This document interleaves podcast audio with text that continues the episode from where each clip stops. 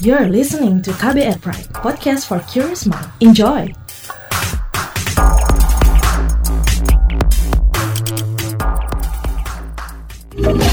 Kamu lagi dengerin What's Trending KBR Pagi. KBR Pagi, siaran pagi radio paling update. Selamat pagi. Apa kabar Anda di hari Senin 18 Mei 2020? Ketemu lagi dengan saya Don Brady di What's Trending KBR Pagi yang masih siaran dari rumah yang masih tetap semangat menemani pagi hari Anda. Apa pun kegiatan Anda hari ini, ya kan, yang dari rumah ataupun ya terpaksa harus keluar rumah, ya kan, karena ada beberapa pekerjaan atau ada keperluan yang mungkin yang harus yang harus dikerjakan dari luar rumah gitu lah ya. Pagi ini kita ngobrolin soal kekecewaan berujung Indonesia terserah. Nah, jadi ya everybody knows lah ya, semua orang mungkin sudah tahu. Belum lama ini kerumunan orang yang tercipta karena penutupan gerai fast food di kawasan Sarinah, Jakarta menjadi bahan perbincangan netizen. Pun dengan gerombolan penumpang pesawat di Bandara Soekarno-Hatta sekitar semingguan jelang lebaran itu. Soalnya, lautan manusia itu terjadi kala Indonesia masih menggalakkan pembatasan sosial berskala besar atau PSBB, di mana masyarakat terus-terusan diminta untuk diam di rumah dan gak mudik ke kampung halaman. Menyusul kemudian yang gak kalah ramai adalah kemunculan hashtag Indonesia Terserah di Twitter. Jadi tagar ini sudah dipakai oleh lebih dari 25 ribu kali. Para tenaga medis membagikan foto diri sambil bawa tulisan Indonesia Terserah yang diunggah di media sosial. Para netizen yang simpatik terhadap pejuang garda depan ini juga ikut serta menggaungkan pesan tersebut. Anda mungkin salah satunya yang ikut nge-tweet atau ngeposting um, tulisan Indonesia terserah ya. Sebelum kita lanjut bahas soal ini, ya kita mau simak dulu seperti apa keriuhan netizen plus 62 di media sosial soal ini. Ini dia. Akun at Wisnu Syah dia bilang Indonesia versus COVID-19 dan stupid people. Hashtag Indonesia terserah. Juga akun at Ruth Prasetyo dia bilang tribute to garis depan. Akun at Markur dia bilang gini, save Indonesia. Is it that hard to stay at home? Juga akun at Rahmadin dia bilang if we're decided to giving up, how about your granddaughter? Padahal butuh sabar dikit lagi. Wes lah, orang sabar barse. Gawe ventilator rapena. Juga akun Evang Boy, dia bilang musuh terbesar bukan corona tapi ego dan kedisiplinan. Juga ada komen dari akun at Ice Girl CC, dia bilang kesabaran ada batasnya. Konteksnya adalah orang yang berjuang mempertaruhkan nyawa, melihat yang diperjuangkan tidak peduli padanya. Juga akun at Soila Puta, dia bilang Please show more considerate action and stop being selfish. Stay at home. What's so hard with that? Respect the medical workers. Juga akun @sodahuman udah bela-belain dua bulan lumutan dalam rumah. Lah ini malah pada mudik.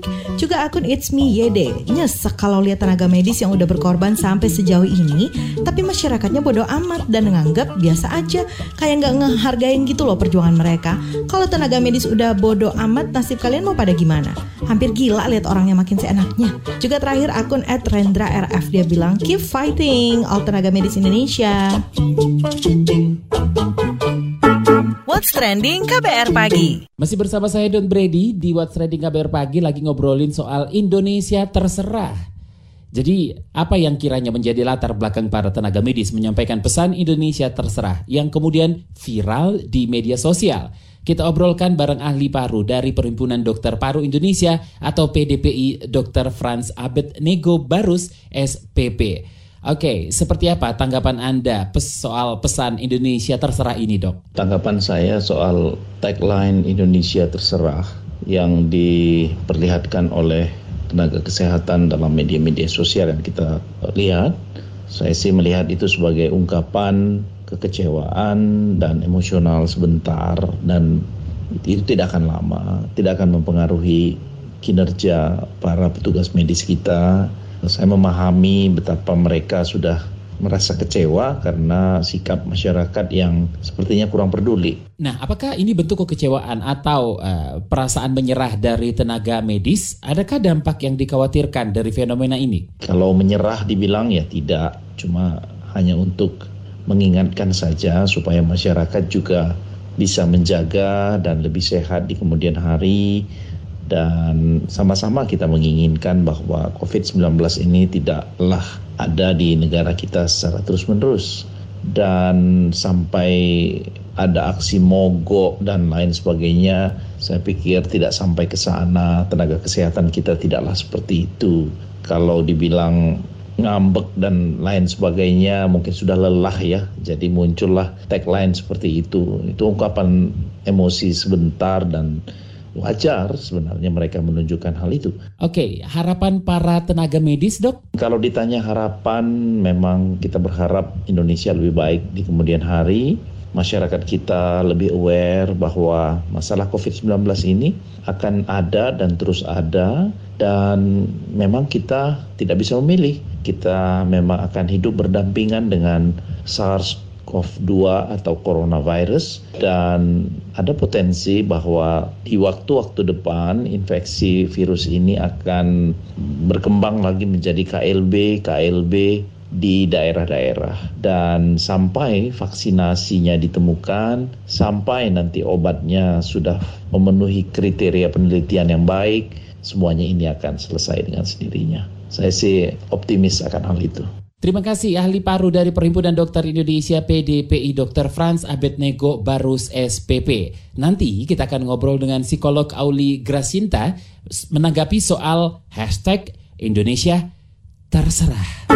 What's Trending KBR Pagi Selamat pagi buat Anda yang baru saja mendengarkan What's Trending KBR Pagi. Pagi ini kita ngobrolin soal Indonesia terserah. Ya hashtag Indonesia terserah. Mungkin Anda salah satunya yang sempat nge-tweet dengan hashtag Indonesia terserah atau ngeposting di Instagram mungkin atau di Facebook dengan hashtag Indonesia terserah ini. Oke, okay, kita lanjutkan ngobrol soal ini dengan psikolog Auli Grasinta.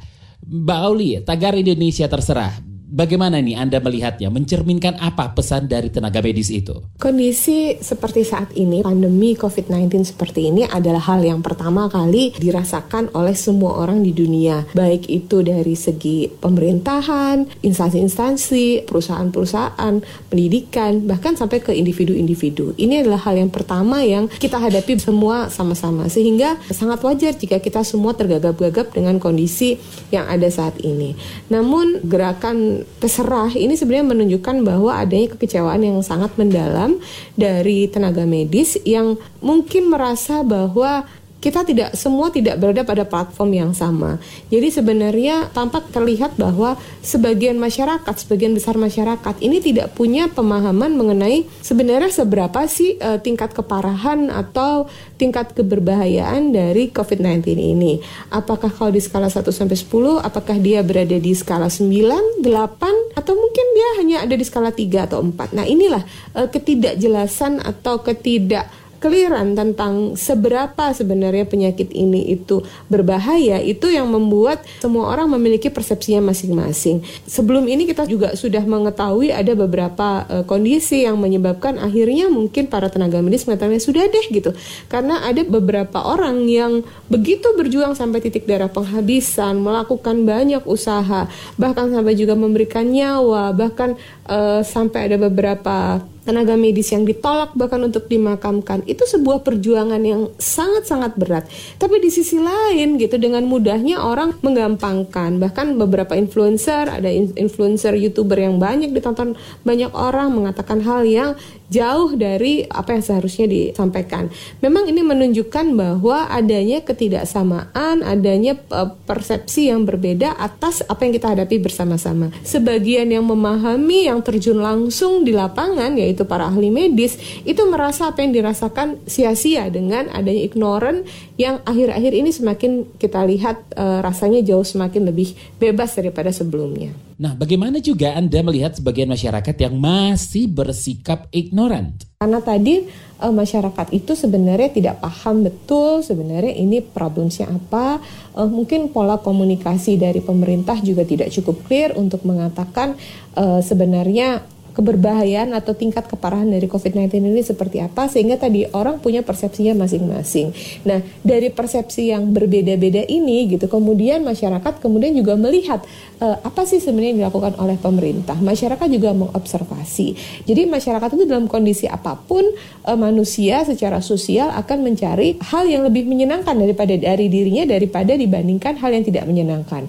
Contoh yang bisa kita lihat seperti sekolah ya. Sekolah itu dengan clear gitu pada tanggal 16 uh, eh, Maret gitu. Menteri mengatakan bahwa seluruh sekolah harus tutup begitu dan itu tidak ada toleransi lagi gitu. Tidak ada toleransi tidak ada keberbedaan antara satu pengambil keputusan dengan keputusan lain sehingga berjalan dengan cukup baik gitu. Kemudian setelah itu betul-betul ditutup uh, dipikirkan bagaimana PJJ itu pembelajaran jarak jauh di sekolah diterapkan bagaimana dengan ujian nasional tetap dilanjutkan atau tidak bagaimana nantinya PPDB penerimaan uh, mahasiswa uh, apa siswa baru itu seperti apa. Itu kemudian langsung ditindaklanjuti begitu. Sehingga nggak ada tuh yang mencoba-coba untuk membuka sekolah itu nggak ada begitu. Kenapa? Karena aturannya sangat jelas, aturannya clear gitu.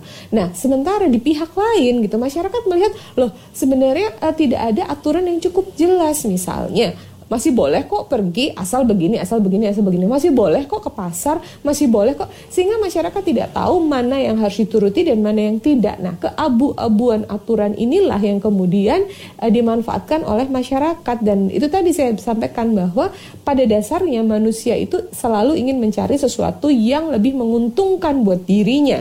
Bukan menguntungkan buat orang lain tapi menguntungkan buat dirinya sendiri. Nah as long as apa yang dia lakukan itu menguntungkan buat dirinya sendiri maka dia akan mengerjakan itu. Kebijakan dan imbauan yang dikeluarkan pemerintah sejauh ini sudah cukupkah mengarahkan masyarakat untuk patuh dalam upaya penanggulangan pandemi COVID-19? Sebenarnya agak miris begitu kalau kita melihat di tele tayangan televisi polisi harus bersusah payah panas-panasan di di jalan tol untuk memeriksa uh, pengguna jalan satu persatu, melihat satu persatu, bahkan menyuruh mereka untuk putar balik. Sementara pesawat dengan sangat mudah orang bisa naik pesawat, bisa membeli tiket pesawat, dan bisa pergi ke mana pun mereka inginkan. Begitupun di daerah, di daerah begitu sulit, bahkan ada orang satu datang harus dikarantina sedemikian rupa, bahkan beberapa dikarantina di tempat yang rumah seram lah, di rumah angker kemudian ada yang harus di pinggir kali dah dan sebagainya. Tetapi sebalik kita bisa lihat bersama bahwa orang bisa bepergian menggunakan pesawat terbang, kereta api yang sudah jelas dari awal di putus di, di apa dikembalikan tiketnya dibatalkan. Kemudian muncul lagi namanya tiket kereta luar biasa. Hal-hal yang membingungkan seperti ini jelas akan membentuk persepsi masyarakat begitu. Jadi masyarakat itu atau siapa pun akan mengikuti aturan kalau aturan itu dijalankan dengan konsisten. Aturan akan efektif kalau pertama dilakukan secara konsisten kedua jelas antara reward dan punishmentnya sanksinya maksudnya ya ketiga dilakukannya dalam waktu yang cukup lama yang cukup untuk bisa membentuk sebuah kebiasaan baru begitu.